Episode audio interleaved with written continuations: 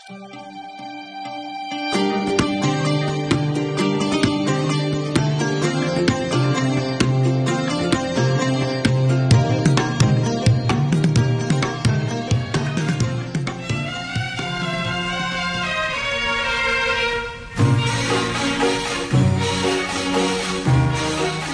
الخير. أهلا وسهلا بيكم في حلقة جديدة.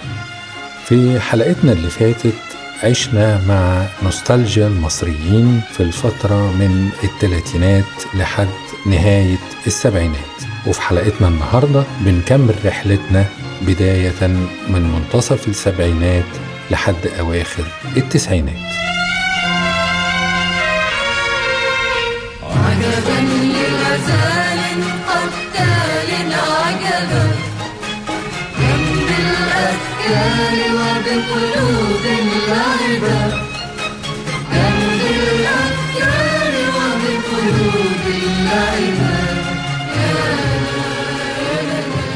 مع دخول التلفزيون الملون لمصر في أواخر السبعينات أفتكر إننا عشان ما كانش كل أفراد العائلة عندهم تلفزيون ملون أيام الماتشات المهمة مباريات كرة القدم كنا نتجمع الخيلان والخالات والأعمام سواء أهلوية أو زملكاوية يتفرجوا على مباراة كرة القدم بين الأهلي والزمالك في بيت أي فرد من أفراد الأسرة اللي يكون أسعده الحظ باقتناء تلفزيون ملون. وأول مباراة كنت اتفرجت عليها في التلفزيون الملون مباراة نهائي كأس مصر سنة 1978 اللي فاز فيها الأهلي على الزمالك 4-2 أواخر السبعينات كمان شهدت ارتباط المصريين أكتر بالتلفزيون لأن التلفزيون كان تطور كتير في الفترة دي. كان في مسلسلات جذبت الناس جدا خصوصا في رمضان زي مسلسل أحلام الفتى الطائر أبنائي الأعزاء شكرا فرصة العمر وحكاية ميزو.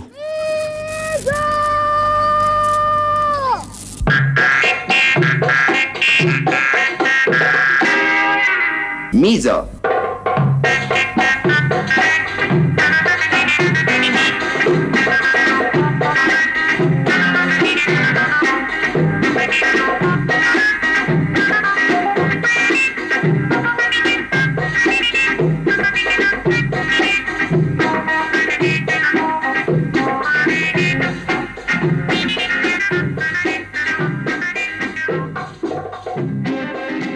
من منتصف السبعينات لأواخر التسعينات كانت لنا ذكريات تفطس من الضحك مع ذروة تألق نجوم الكوميديا في المسرح المصري عادل إمام وسمير غانم وكمان محمد صبحي. لما تتكلم مع المدرسة بتاعتك احتراما لها تتفضل تقوم تقف.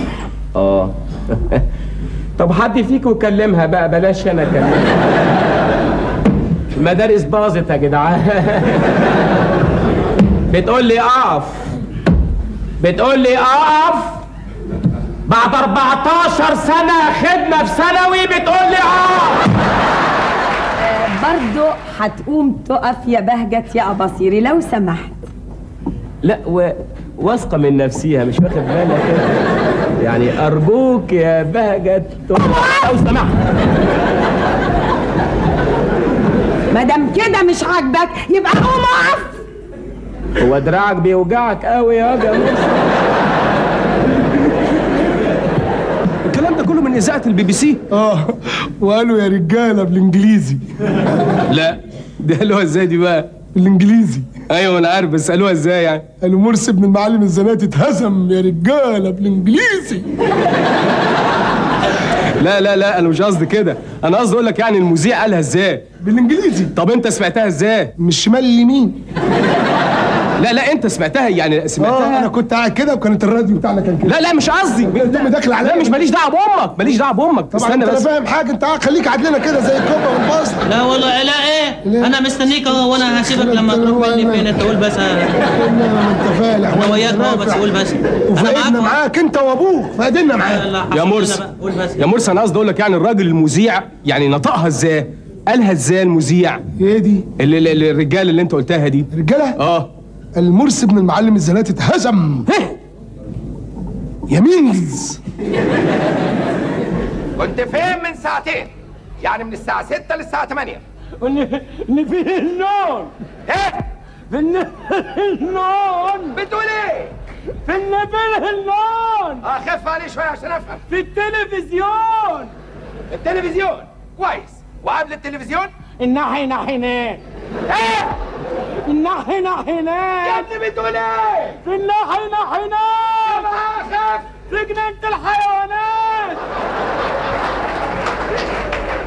في جنينه الحيوانات. كويس.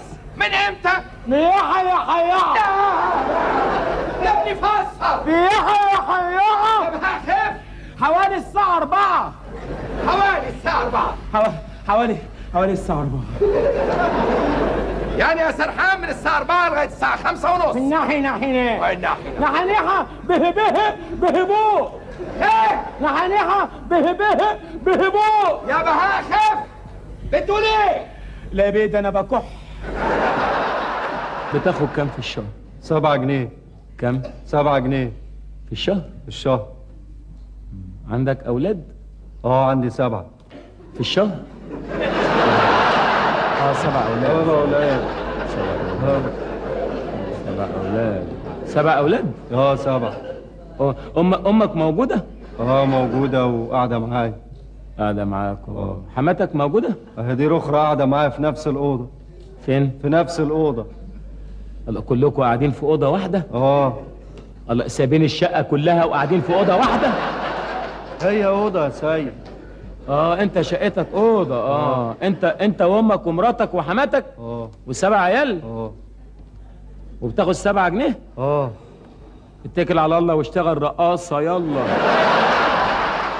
انت عملتيها إزاي؟ زي كتاب قبل النظيرة تمام. كلمة كلمة. ده كتاب نظيرة؟ هو ده. صفحة الملوخية؟ صفحة الملوخية. مش ممكن دي صفحة الوفيات يا لينا لا يا مسعود لا لا يا ماما اولا مش عارف في حاجات بتمسك بس هتتشرب. مش كل مرة هنعمل فراخ في الملوخيه هشربها. ما دام عملنا فراخ وجبنا ملوخية يبقى هشربها. إيه ده؟ مسعود الفوطة هنا. مفيش فوطة. عشان دماغي ما تضربش. بعدين الفلفل. حد يحط فلفل كده يا ماما؟ الفلفل تدقيه لأن ده بيمشي. آه. أصل مكتوب في كتاب قبل النظيرة أغسلها بالدقيق. جبت دي منين؟ دورت في كل مكان في البدروم على الدقيق. وفي الآخر عرفت أنت بتشيله فين. فين؟ طبق قد كده تحت الحوض مليان دقيق. غسلتها بيه كله. تحت الحوض؟ آه. خدت من اللي تحت الحوض؟ حطيت عليه.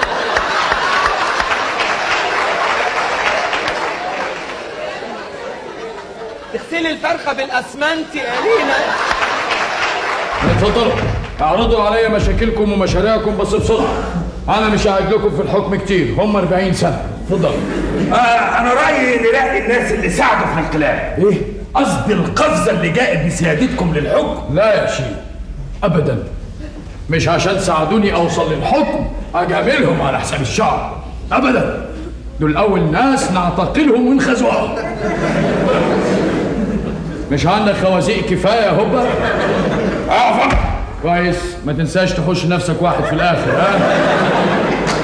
يا فندم يا فندم في هزة اقتصادية مؤقتة نتيجة التغيير في الحكم والعملة سيادتك في النازل.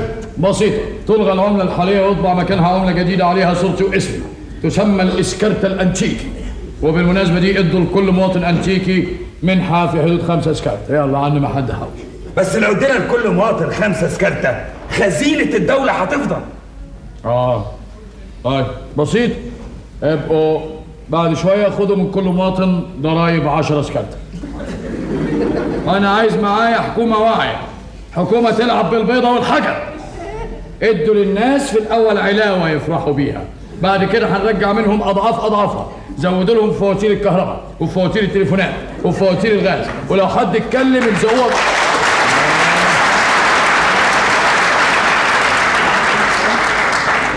إحنا الحق يتقال شعبنا جميل يتسرق ويسقف الحقيقة الحمد لله فهمتم سياستي؟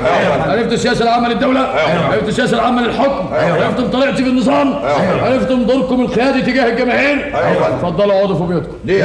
في تغيير وزاري بكرة إن شاء الله صديقي منصور فكري بيقول أكتر حاجة وحشاني الليميتيشنز أو محدودية الخيارات القناة الأولى والتانية اللي كنا بنضطر نتفرج فيهم على برامج ثقافية أو منوعات من مناطق مختلفة من العالم أو فيلم عشوائي ما نعرفش تقييمه إيه على ال IMDb الكتب الأجنبية اللي كنا بنشتريها متصورة وبندفع فيها من مصروفنا فكنا بنقعد على الكتاب لحد ما نخلصه ونتعلم اللي فيه. مش بنقضي اليوم ندور على واحد مقدم المعلومة في 3 دقايق بدل 18 دقيقة وفي الآخر ما نشوفش حاجة. وحشني الملل اللي كان بيخلينا نخرج من البيوت وندور على شلة نقعد معاها على القهوة أو نلعب استيميشن أو نسهر طول الليل نتكلم. الحاجات دي وحشاني. طبعا بتفق إلى حد كبير مع كلام منصور. كنا كلنا بنشوف في نفس الوقت برنامج سينما الأطفال كل يوم جمعة الصبح. برنامج بابا ماجد برنامج عصافير الجنة لنجوى إبراهيم وبقلز أنا دلوقتي عايزة أقول كلمة بقى. اتفضل. ممكن أقول كلمة؟ اتفضلي اتفضلي دلوقتي عايزة أسألكم سؤال. اتفضل. الرياضة دي فايدتها جاوب يا رنود جاوب يا أنا لك. أرنود. آه، الرياضة آه، ب- بتخلينا نتبسط وبتشغل وقت فراغنا وبتخلينا آه، نبقى لياقة حلوة يبقى عندنا الصحة كويسة. برافو. مش كده بقلص برافو. سقفولي سقفولي سقفولي سقفت لك. برافو. كل كل الأصحاب سقفوا لك شرف قوي. طيب. كويس. تضحك على إيه؟ دي فايدة الرياضة. طيب آه إيه اللي ممكن كمان آه نتعلمه بقى من الرياضة؟ قول يا آه، سيبورس قول. قول بقول إحنا ممكن نتعلم من الرياضة في الواقع يعني ممكن الواحد يتعلم. إيه يا سيبولوس عشان هتتكلم في التلفزيون هتفضل تعمل كده؟ مش أول ما ابتدوا يتكلموا بيقولوا في الواقع. طيب. بطل بقى بطل غلبة يا بوز طيب يلا. بلاش. الأطفال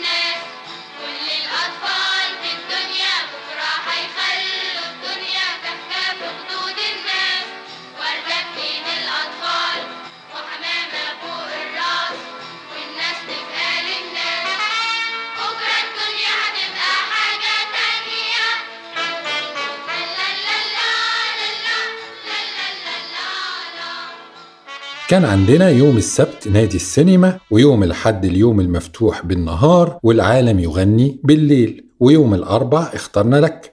ويوم الخميس مسرحية ويوم الجمعة فيلم السهرة العربي. كان عندنا عالم الحيوان بصوت المذيع محمود سلطان وعالم البحار بصوت الدكتور حامد جوهر وحديث الشيخ الشعراوي وبرنامج العلم والإيمان للدكتور مصطفى محمود وبرنامج حياتي لفايزة واصف والنادي الدولي لسمير صبري وأوتوجراف لطارق حبيب.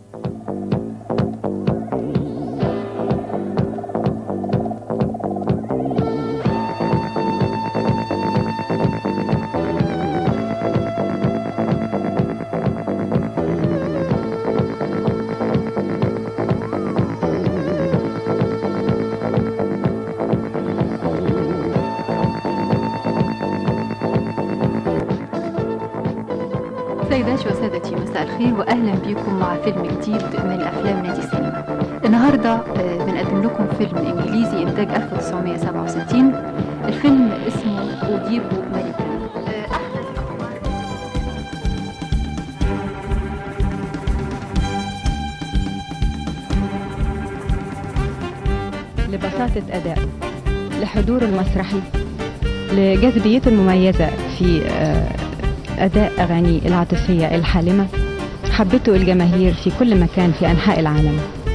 حبوه الجماهير في مصر حتى قبل ما يشوفوه نجم فوق العادة أو سوبر ستار خوليو إجلاسياس في تاني زيارة له في للقاهرة وفي لقاء خاص لبرنامج العالم يغني Uh, Julio, you're most welcome on your second visit to Egypt. The only thing I can say is I love this country very much. It's, that's because I came here for two years already. And uh, I would like to promise something like to come back. I will come back for sure. That's, that's a promise. That's a promise. But I don't know when. I don't know when. Well, we hope it's next year in the same time.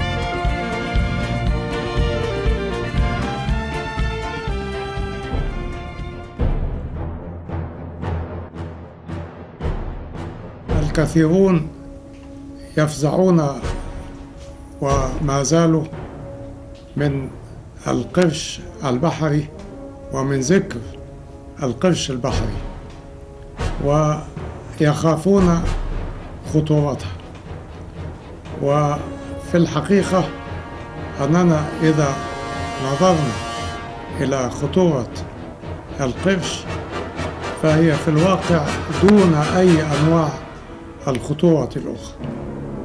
حتى ركوب السيارة. أكثر أكثر خطورة من مقابلة القرش في البحر المفتوح.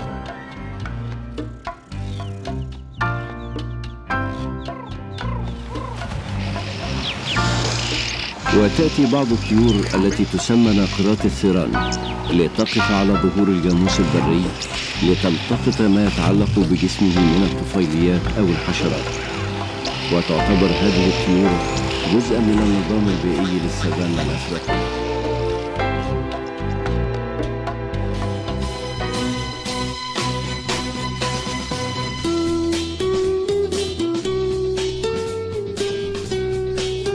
سيداتي وسادتي أنا في انتظار رسائلكم وإلى لقاء قريب.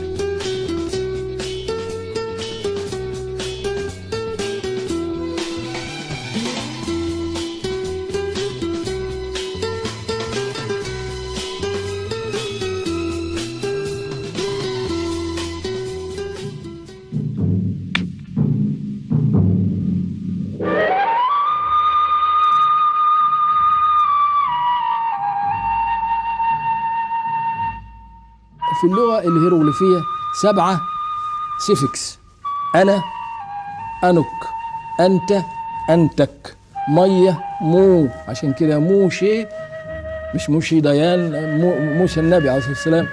آه، موسى النبي آه، سموه موسى لأن هو مو شي يعني بين بين المية والشجر. مو مية وشي شجر. ولقوه هم بين بين الماء والشجر. في التابوت بتاعه لما أمه ألقته في النهر. فسموه موشي مو يعني ميه وشايفين طبعا العلاقات بين ميه وبين مو وبين إلى. حطب مثلا في اللغة الهيروغليفية حتب آمين هو آمون. مكة هي بكه ودي غريبة بقى جدا. غريبة جدا إنك تلاقي في الهيروغليفية النطق بتاع مكة بكة. وده جه في القرآن بالنص إن أول بيت وضع للناس للذي ببكة مباركا وهدى للعالمين. للذي إيه بقى؟ ببكة. ده القرآن بقى هو اللي بيتكلم. إحنا نعرف إنها اسمها مكة. لا ده القرآن بيلفت نظرنا إلى الاسم القديم واللي, واللي موجود في الهيروغليفية آه، آه، زي ما جاب حك- حكاية قسورة وهي اسم الأسد بالحبشي اللغة الحبشية. كذلك مكة اللي اسمها الهيروغليفي بكة. مثلا لما نلاقي بقى في في الأرقام واحد مثلا أون يعني واحد وأون دي هيروغليفي. one إنجليزي un فرنساوي uno إيطالي. مثلا نلاقي في الهيروغليفية حاجات غريبة أوي. جنح يعني جناح ينطقوها كده ويرسموا جناحين كده? آه نلاقي مثلا الآخرة في في الهيروغليفي اسمها إيه؟ آخرة الدنيا دار القرار بيسموها في الهيروغليفية قرارة وفيها لفظ الحساب موجود باللفظ الحساب. وفيها موت ويموت. كلمات عربي كلمات هيروغليفي في نفس الوقت.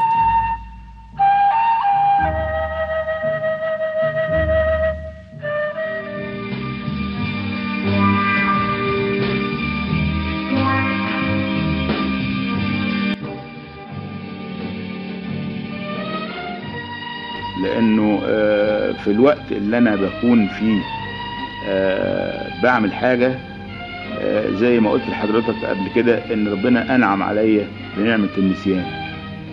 فأنسى تماما أي شيء آخر. طب إيه السؤال اللي أنا نسيته كنت تحب إن أنا أسأله عشان حضرتك تجاوبني عليه؟ والله أنت يعني ما خليتش بابا إلا طرقته لأنك أنت الأستاذ طارق. فيعني أكتر من كده ما ما فيش على بالي حاجة يعني. بشكر حضرتك جدا في نهاية هذا اللقاء وبقدم لك الاوتوجراف عشان يا ترسم لنا يا تكتب لنا زجل يا تكتب لنا كلمة نصر فيه. أنا بقى زي ما قلت لك إن أنا بحب التاريخ. فهوجه الاوتوجراف ده إلى أحفادي المحترمين في القرن الواحد وعشرين. أرجو لما تشوفوا هذا البرنامج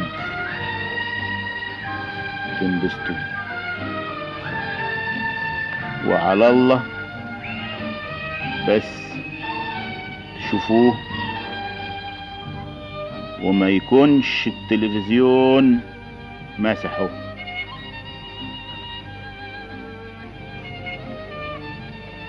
جدكم الأكبر. جامع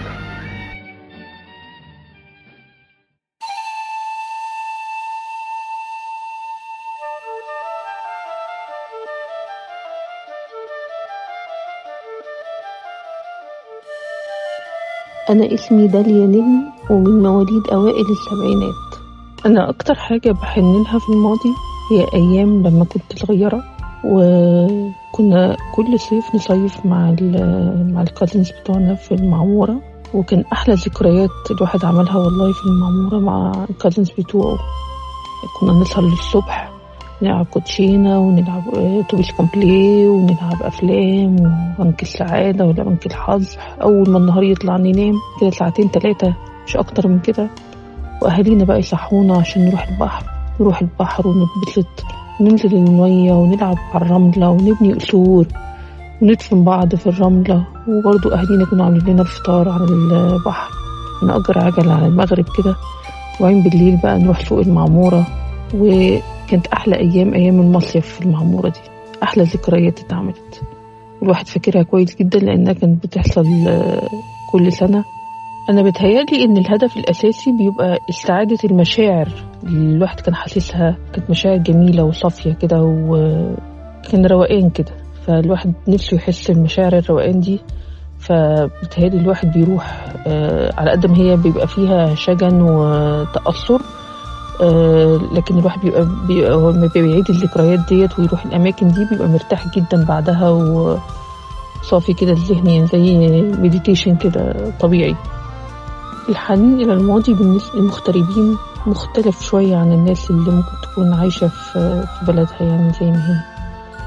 آه، ال- الحنين إلى الماضي بالنسبة للمغتربين بيبقى أعمق شوية متهيألي وبيبقى هو عايز يثبت لنفسه إن هو لسه لينك بال بالذكريات ديت الجميلة اللي هو عملها في بلده. فبالنسبة لي أنا مثلا أنا لما بنزل مصر ببقى حريصة قوي إن يبقى في آه، يوم أو يومين كده آه، أنا أتجول كده مع نفسي في شوارع مصر وفي الحتت اللي أنا ليا ذكريات جميلة فيها أو حتى مش لازم يكون حصل موقف ولا حاجة لأ بس مجرد حاجة كانت موجودة زمان وعايزة أسترجع اشوفها أخبارها إيه دلوقتي أو شكلها إيه دلوقتي وكده هو لغاية دلوقتي لما بينزل مصر ممكن تلاقيني أروح أتمشى في الكربة عايزة أعيش الجو اللي كنت عايشاه ساعة زمان. قعدتي كده من قدام رأفت بتاع السندوتشات. أعدي من قدام مدرستي. أعدي من تحت بيتنا. بعدي من جنب ميريلاند. من الذكريات الجميلة كمان في الماضي آه لما كبرنا شوية بحب أروح الجامعة اللي كنت فيها وأقعد في الحتة اللي كنت بقعد فيها أنا وأصحابي. يعني كان في ممر كده أنا كنت في جامعة عين شمس. فكان في ممر كده معروف اسمه ممر جيمي. آه، كان اسمه ممر جيمي عشان في كشك كده اللي هو بتاع الحلويات وكده. الراجل صاحبه اسمه جيمي. أو هو دلعه جيمي يعني. فالممر اتسمى على اسمه يعني ممر جيمي. فاحنا يعني أغلب وقتنا كنا بنقعد في نفس حوالين الحتة دي يعني. فلما بروح بروح أقعد في الحتة دي. لحد الثمانينات كنت تمشي في شوارع مصر ما تسمعش من كستات عربيات الشباب إلا الأغاني الأجنبية. كان في مغنيين وفرق أجنبية ذائعة الصيت في الوقت ده. البي جيز والآبا والبوني إم وبعدهم مايكل جاكسون وغيرهم.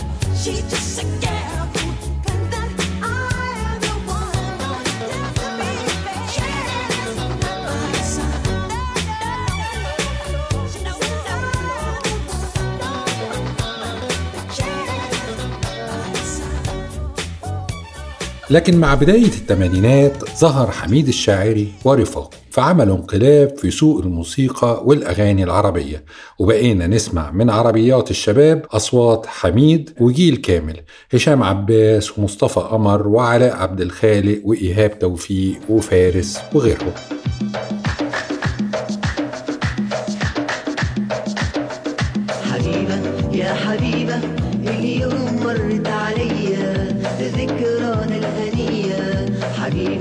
يا حبيبة من يوم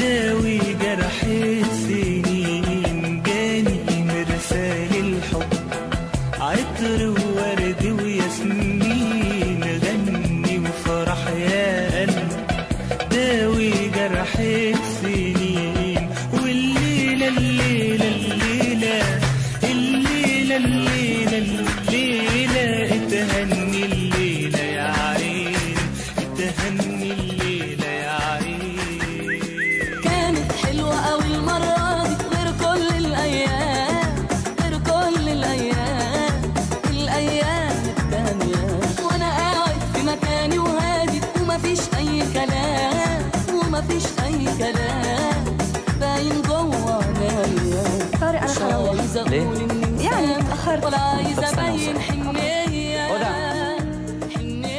ظهرت فوازير رمضان في أواخر السبعينات لكن الناس ما ابتدوش يتعلقوا بيها بصورة كبيرة إلا أثناء عصر ازدهارها في الثمانينات والتسعينات.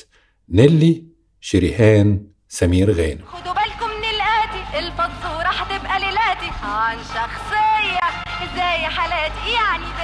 ستاتي ها؟ أوه اللي هيعرفها من هي؟ اللي هيعرفها من هي؟ اللي هيعرفها من هي؟ يبقى من الشطاطير. يا مساء الفوازير.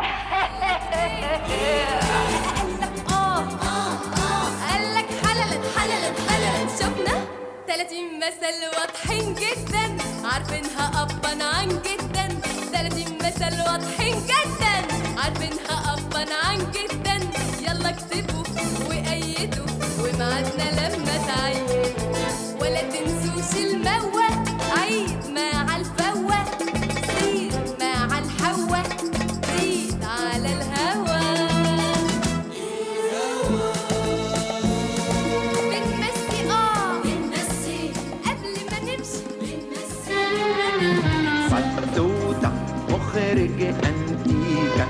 اتعلم سينما في أمريكا فتوتة مخرج أنتيكا اتعلم سينما في أمريكا. يرقص تانجو شيكا شيكا بيكا. وإحنا الجزء عاملين فوريكا. ننتج أفلام الفزورة لنجوم الفن المشهورة. أفلام الثمانينات وإن كان أغلبها متوسط لكن شهدت إنتاج عدد من الأفلام تعتبر من أساطير السينما المصرية. المشبوه والحريف والغول وحب في الزنزانة لعادل إمام العار وسواق الأتوبيس وأهل القمة لنور الشريف الكيف لمحمود عبد العزيز ويحيى الفخراني وخرج ولم يعد ليحيى الفخراني والحب فوق هضبة الهرم والبريء لأحمد زكي من إخراج العبقري عاطف الطيب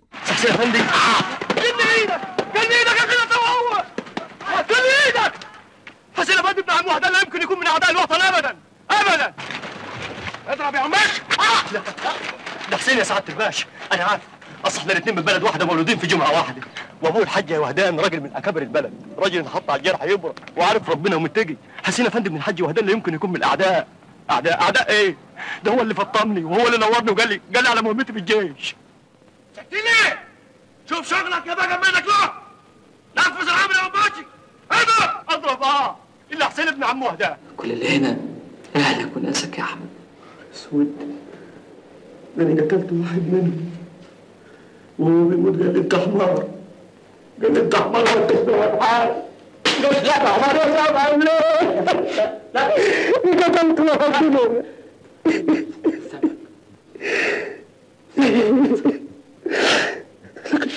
لكن أنتوا أنتوا إيه اللي جابكم هنا؟ وبيعملوا فيكم كده ليه؟ عشان إحنا اللي فهمنا حاجة يا سبحان من قسم الأرزاق بدون سبب شفتوا أنا كنت متأكد انكم ناس طيبين وعلى نيتكم ما تخلوش واحد إبليس زي عادل يسمم أفكاركم ويخليكم تعترضوا على إرادة ربنا. ده ملحد ده كافر. أعوذ بالله. حرام عليك ما تقولش كده يا أستاذ نبيل. حرام عليا أنا برضو. بقول لكم ده ملوش ملة ملوش ملة. ده ده ده ده ده, ده ديمقراطي. ديمقراطي؟ أيوه. أقول لكم إيه أكتر من كده؟ يعني عمره ما هيورد على جنة. يا سلام. أنا سمعت كتير قوي عن الصنف الديمقراطي ده. بس ربك والحق أنا عمري ما شفت واحد منهم في بلد أديك شفت العينة. ولو ما كنتش مصدقني اسأله. هو نفسه ما يقدرش ينكر. لا دي مسألة ما نسكتش عليها ابدا.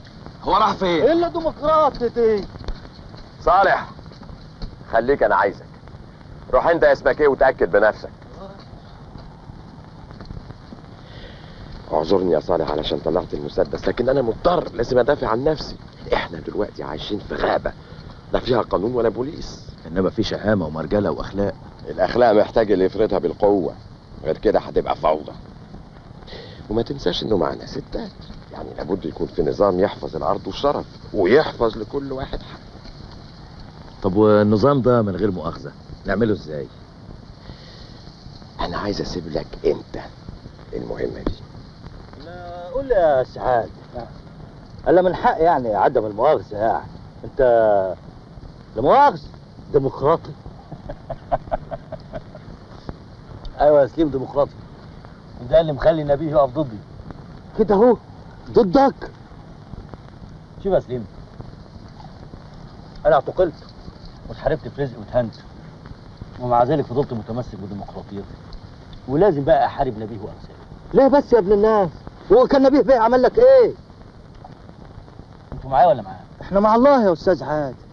وأنت كمان يا أخوي خليك مع الله تكسب وتربح. يا عالم عقلوا فوق لمصالحكم سنبيه ده مع الله. استغفر الله العظيم. بس بس بس بس ما تزودش بقى. البحث اللي بتقول عليه ده مش جاي من بلاد بره؟ طبعا. من منظمة الصحة العالمية. يبقى ما يركبش معانا. ما يركبش. صحة هنا. غير صحة هناك. يعني إيه؟ إحنا فراعنة. وربنا ادانا قوة وصحة. ما اداهاش لأي ناس في العالم كله. يا سلام. في حد في الدنيا بنى هرم؟ لا. إحنا بنينا ثلاثة بقوة صحتنا إيه الكلام ده؟ مش مصدق؟ طب خلي واحد من بلاد بره يشرب له بق مية من اللي إحنا بنقربعها دي. أو ياكل له فرخة فات تاريخ تحنيطها. وشوف يحصل له إيه. يروح فيها. ما هو برضه اللي هيشربوا الخلطة هيروحوا فيها. ما حدش بيموت ناقص عمر. خليك مؤمن. الإضرار بالناس هو منتهى الكفر يا سيد باص ومين قال إننا بنضر الناس؟ ده إحنا بنبسطهم. الواقع والعلم بيقولوا كده. وفين هو الواقع ده؟ الناس ما أكتر من نمل والناموس نقوم نقضي عليهم نموتهم. يموتوا في ستين داهية وإحنا مالنا؟ إحنا مالنا؟ خلي الدنيا تخف وتروق يعني عاجبك الزحمة اللي إحنا فيها دي. كمان الإذاعة كان ليها نصيب كبير في ذكرياتنا في المرحلة دي. على الناصية أمال فهمي زيارة لمكتبة فلان نادية صالح لغتنا الجميلة فاروق شوشة شاهد على العصر عمر بطيشة كلمتين وبس فؤاد المهندس غواص في بحر النغم عمار الشريعي. الإذاعة كمان كانت رفيقتنا وقت الفطار في رمضان. أذان الشيخ محمد رفعت موشحات الشيخ النقشبندي ومسلسل رمضان وفوازير أمال فهمي. لنا كمان ذكريات جميلة جدا مع الإذاعة في مشوارنا الصبح وإحنا رايحين المدرسة مع تميز خاص جدا من الناحية دي لإذاعة الشرق الأوسط وبرامجها الخفيفة. الساعة الآن الثامنة إلا الربع هنا القاهرة بالسلامة يا حبيبي بالسلامة بالسلامة تروح وترجع بالسلامة بالسلامة. بالسلامة بالسلامة تروح وترجع بالسلامة. تيجي زي الفحم. طريق السلامة إعداد وتقديم آيات الحمصاني. بالسلامة. يا حبيبي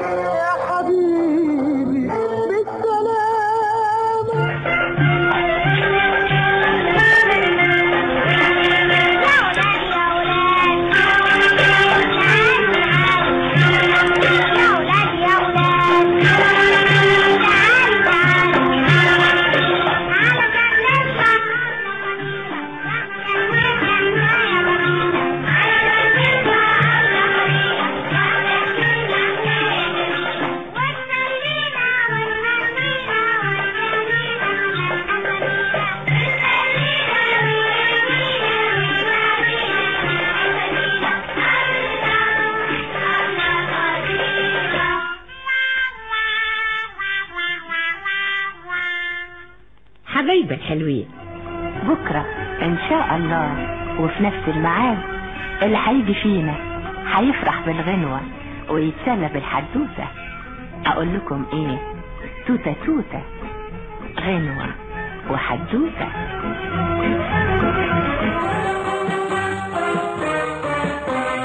إذاعة الشرق الأوسط من القاهرة تقدم. فانتاستيكا فان فان فانتاستيكا. فانتاستيكا فان فان فانتاستيكا. برنامج صنع الفابريكا صمت سناء عم حسن.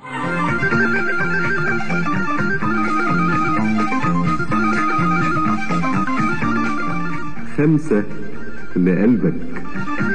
إذاعة جمهورية مصر العربية من القاهرة تقدم كلمتين وبس.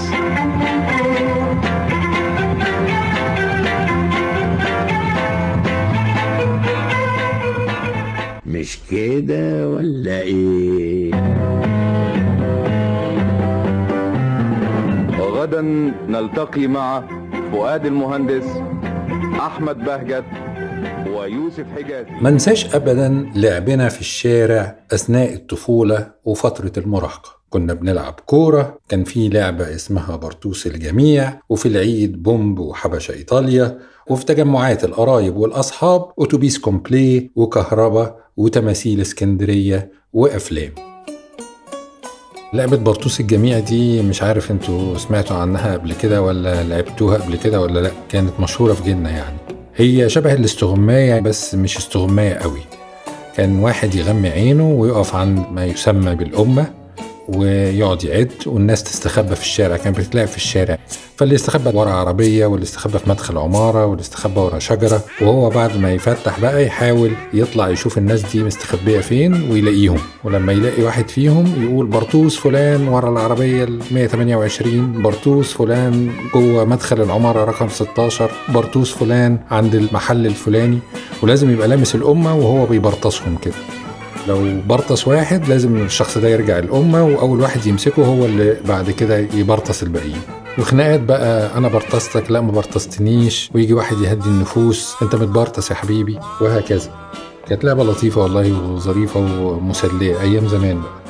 الألعاب بتاعت زمان كانت طاقة. كنا بنطلع فيها الطاقة نجري ونلعب ونتنطط بقى مش قاعدين قدام بقى ال PlayStation طول النهار وال video games والكلام ده. يعني حتى اللي ما بيلعبش رياضة كان يقدر في الشارع يعني يطلع طاقته الطفل يمارس نوع من الحركة بشكل دايم وطبعا تفاعل وضحك وكانت ذكريات جميلة جدا الحقيقة.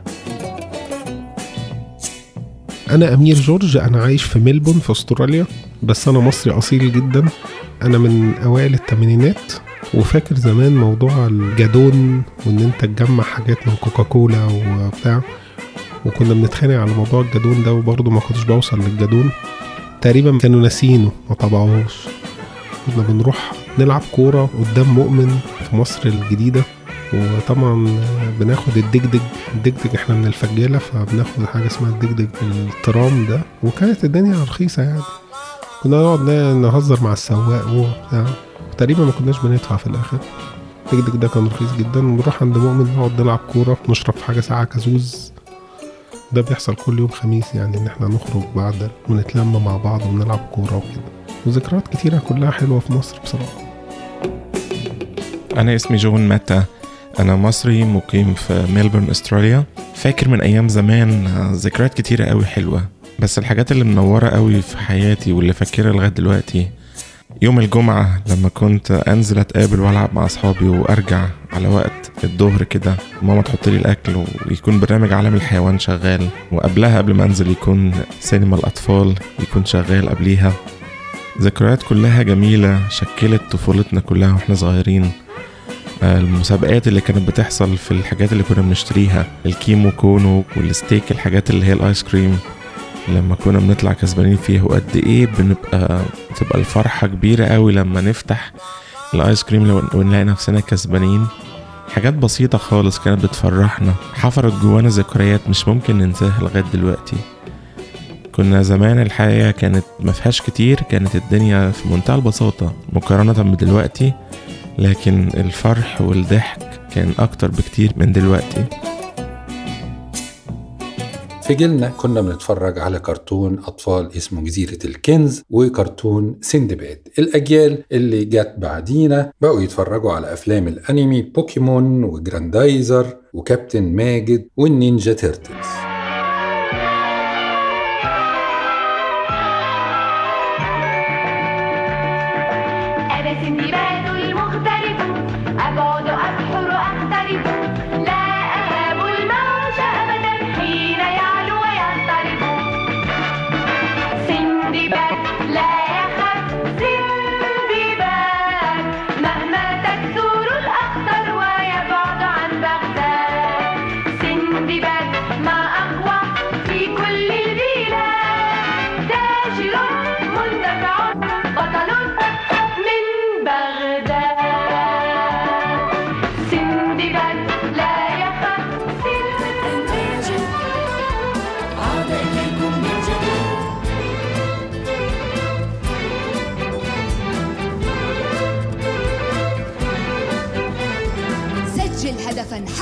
فوزا ضاعف جهدك في التمرين. لن تحرز أهدافا حلوة إلا بالتصميم. يا! سجل أهدافا لا تيأس لا تخشى المرمى كن حسن الخلق مع الخصم فأهدافك أسمى كابتن ماجد كابتن ماجد كابتن ماجد كابتن ماجد عاد إليكم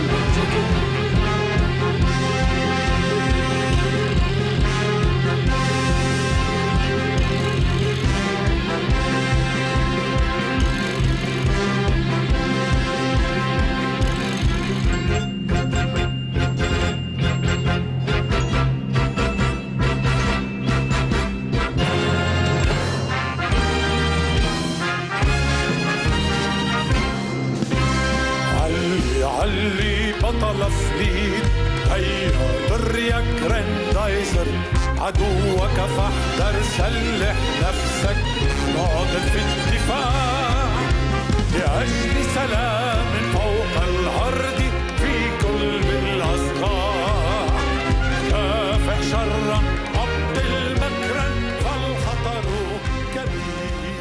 في طفولتنا ومراهقتنا كنا بنقرأ ألغاز المغامرون الخمسة والشياطين التلتاشر في التسعينات اتغيرت قراءات الشباب. الأجيال اللي بعدنا ابتدت تقرأ سلسلة ما وراء الطبيعة وفانتازيا وسفاري للدكتور أحمد خالد توفيق وروايات عبير وكمان رجل المستحيل وملف المستقبل لنبيل فاروق.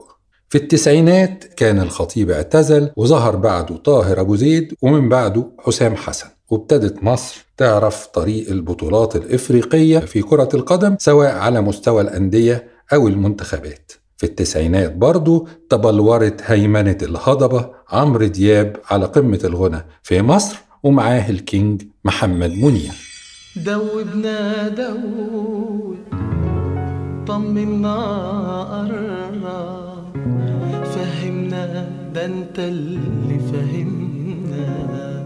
شوقنا أكتر شوقنا شوقنا أكتر شوقنا شوقنا أكتر.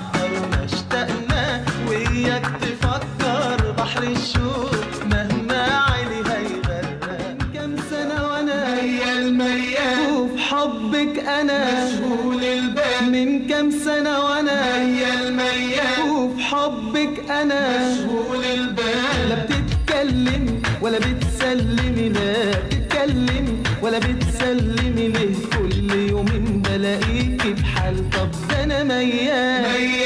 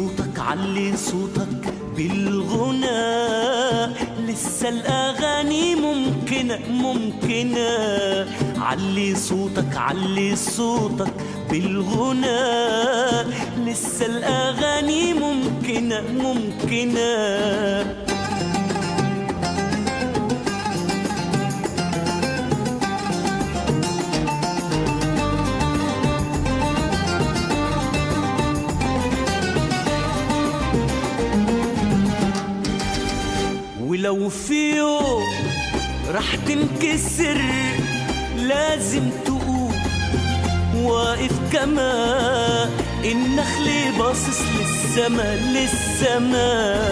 ولا انهزام ولا انكسار ولا انهزام ولا انكسار. ولا خوف ولا ولا حلم نابت في الخلا. في الخلا أميرة عقلة في الحجلة. العقل يطير. كانت صغيرة بضفيرة كان هو صغير. ساعة ما تضحك مع أخوها تلاقيه بيغير.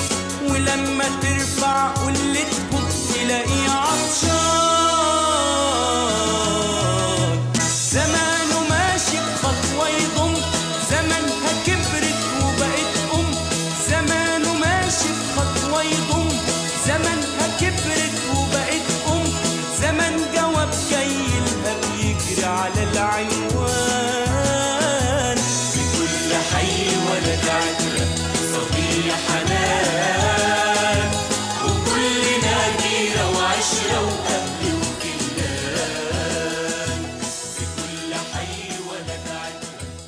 ومن بعد اعتلاء عادل إمام عرش السينما في الثمانينات جه وراه أحمد زكي في التسعينات. من أواخر الثمانينات لبداية التسعينات وقع المصريين في حب سلسلة من الأعمال الدرامية التلفزيونية بقيادة المبدع أسامة أنور عكاشة بدءا من الشهد والدموع للحب وأشياء أخرى لأرابيسك لرحلة أبو العلا البشري وملحمة ليالي الحلمية.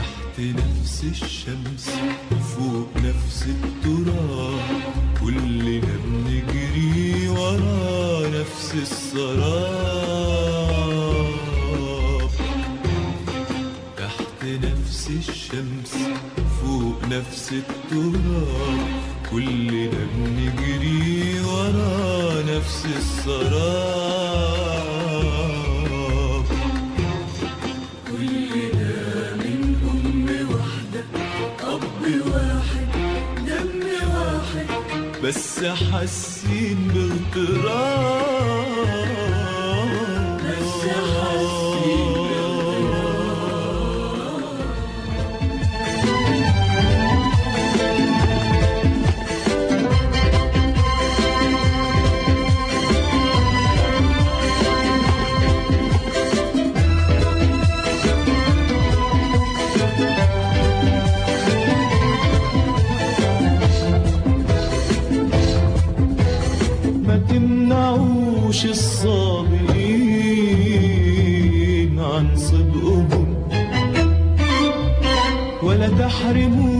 karşılar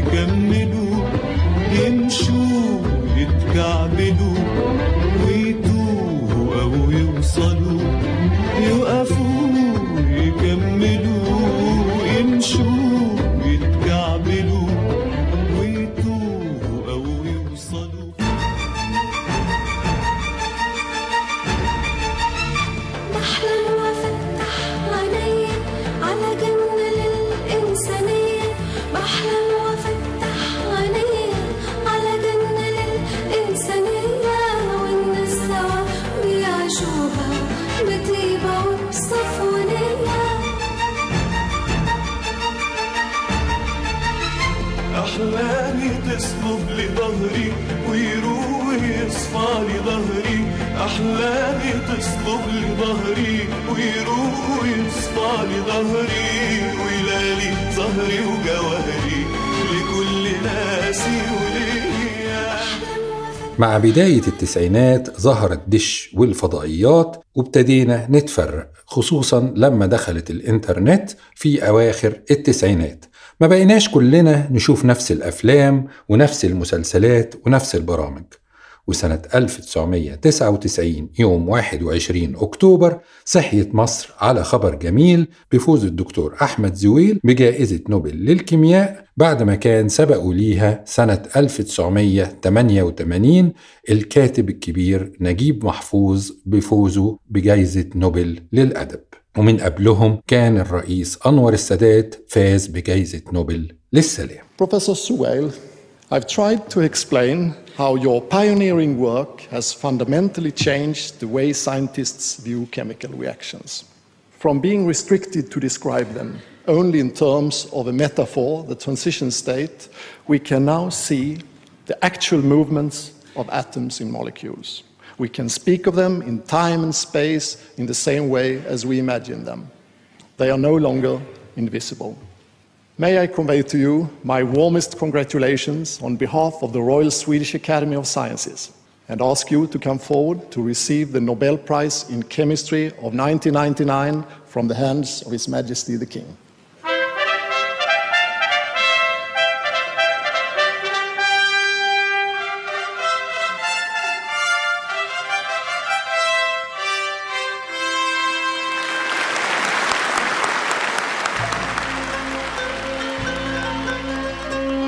أنا اسمي ليزا مواليد أواخر التسعينات عايشة في مصر في القاهرة. من أحلى الفقرات اللي كانت بتيجي كده في حياتي وأنا صغيرة هي فقرة المصيف والعيلة. شوف بقى إحنا كنا بنروح اسكندرية بنروح بورسعيد بنروح إسماعيلية بنروح العجمي بنروح فايد بنروح مرسى مطروح. ما كانش في بقى وقتها ولا بقى الغردقة ولا شرم الشيخ ولا الحاجات إيه السياحية دي. لا كنا بنروح مصايف كده من الآخر بلدي يعني. لكن المصايف البلدي دي كانت أحلى وأمتع بكتير من أي مكان تاني دلوقتي موجود. كنا لازم يا إما نتحرك كذا عربية ورا بعض بقى العربيات القديمة بقى الفيورا والعربيات القديمة الصغننة دي وكنا نبقى كذا عربية ونتحرك مع بعض ونشوف بقى مين هيسابق مين ونقعد نشجع ودوت يسوق أسرع واصلا هم كان وقتها يعني أسرع سرعة هم بيمشوا عليها اللي هي 40 مثلا. بس ونوصل بقى المكان اللي إحنا هنقعد فيه ونبقى واخدين بقى زي بيت عيلة كده أو مكان شقة كبيرة تكفي العيلة كلها. وكانت يعني إحنا بنسيب بقى الشقة كلها ما نقعدش في أي حتة في الشقة غير البلكونة. كانت لازم تكون البلكونة كبيرة ونقعد فيها. والبلكونة دي بقى حياتنا كلنا. يعني نلعب آه، نشرب ناكل آه، ننام كل- كل حاجة فعلا كانت في فكرة البلكونة. يمكن من أمتع الفقرات بالنسبة لي في المصيف ويمكن بالنسبة لي أهم من فقرة البحر هي فقرة السوق بالليل. كنت أفتكر إن كان في شارع في المعمورة اسمه شارع السوق. كنا بننزله بالليل علشان نتمشى ونمتع بقى نفسنا. كنا ناكل بقى آه، سميت ترمس بطاطا آيس كريم آه، زلابيا أي حاجة ما تضرش. ويمكن كان يبقى مثلا معانا 20 جنيه. ال 20 جنيه دي كان ممكن تأكل العيلة كلها بما فيهم خالاتي التسعة. برضو زمان كان فكرة الكاسيت والشريط إحنا كنا نسجل تسجيل على الشريط دوت ونبعته العراق لخالتي اللي في العراق علشان تسمع صوتنا أو تطمن علينا. يمكن كان هو أرخص من إن إحنا نكلمها في التليفون يعني. أعياد الميلاد في التسعينات اللي كان بستغرب جدا يعني إيه التورتة تتعمل في البيت وده كان السائد وقتها هو أصلا ما كانش حد بيشتري تورتة جاهزة فكان وقتها بنعمل التورتة في البيت بنجيب صواريخ البيبسي السيفن الفانتا وطبعا الفانتا تفاح اللي نفسي جدا إن هي ترجع تنزل تاني بنفس الإزازة البني بتاعتها. ويمكن كانت السفرة مش بيكون عليها ديك ولا عليها حتى ورك فرخة لكن كنا نقعد نطبل ونرقص ونزغرط ونفرح طول العيد ميلاد إحنا بنفرح مش بس إحنا هممنا إن إحنا ناكل ولا الخروجة في الأكل وفي التصوير إحنا كناش بنتصور أصلا لكن كنا بنقضي وقت فعلا وقت قيم جدا. صديقي شريف محمد بيقول أكتر حاجة بتخليني أسترجع أغاني وأفلام أو أزور أماكن كنت بروحها زمان مش شرط قيمتها الفنية أو إنها أعمال فيها أخلاق. أو قيمة يعني. مثلا أغنية زي لولاكي مش قيمة فنية بالدرجة. لكن اللي بيرجعني للحاجات دي إني بسترجع فيها شعوري وقتها والبراءة ساعتها. وبحاول من الحنين للشعور بالبراءة إن كل ما ضغوط الحياة تبعدني عنه أستمده من تذكر الماضي وإني ما انحرفش عنه كتير. بحاول أفتكر لما كنت بحضن لبس العيد وأنام حضنه. وأشرب من كوباية المية وأنا داخل بيها للضيوف وأمسح شفايفي. لما كنت بستنى كابتن ماجد وننزل نلعب أنا وأصدقائي بأسماء أبطال الكرتون ومازنجر وأبو الغضب وإن هيبقى عندي واحد زيه. أو لما أفتكر القمر بيمشي معايا وأجري بسرعة وأنا باصص له وأقف مرة واحدة علشان أشوفه ملكي ولا لأ. وقت ما كنت بكتب جواب للبنت اللي بحبها ووشي يحمر وأنا بديهولها واتطورنا شوية بقيت بفضل أيام أكتب الأغاني عشان أسجل شريط وأديهولها. كنت أتجمع أنا وأصحابي ونتخانق على لعبة السلم والتعبان وتتحط القواشيط على رأس التعبان وننزل. وإن الأرقام الفردية شريرة والزوجية طيبة. وأغاني فريد الأطرش كانت في طفولتي ملل. وكبرنا شوية وشفت مسلسل هرقل على قناة تانية وكان أسطوري. هكبر بقى ومحدش هيقول لي ذاكر تاني وأخرج براحتي. الحاجات دي هي اللي بقدر أسترجعها وأتفرج عليها وبتولد بدرجة كبيرة براءة الإحساس والمشاعر اللي كانت موجودة. لحظتها.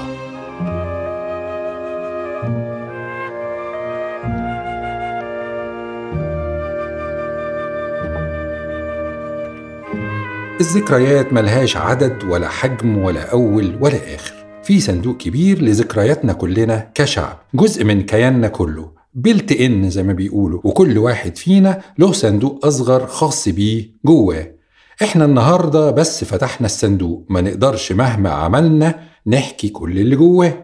إذا كانت حلقة النوستالجيا دي صحت حاجات حلوة جواكم رسمت بسمة على وشوشكم حسستكم إنكم جزء من عيلة كبيرة جدا عدد أفرادها بالملايين؟ ادتكم طاقة إيجابية؟ أشعرتكم إنكم عشتم حياة لها معنى؟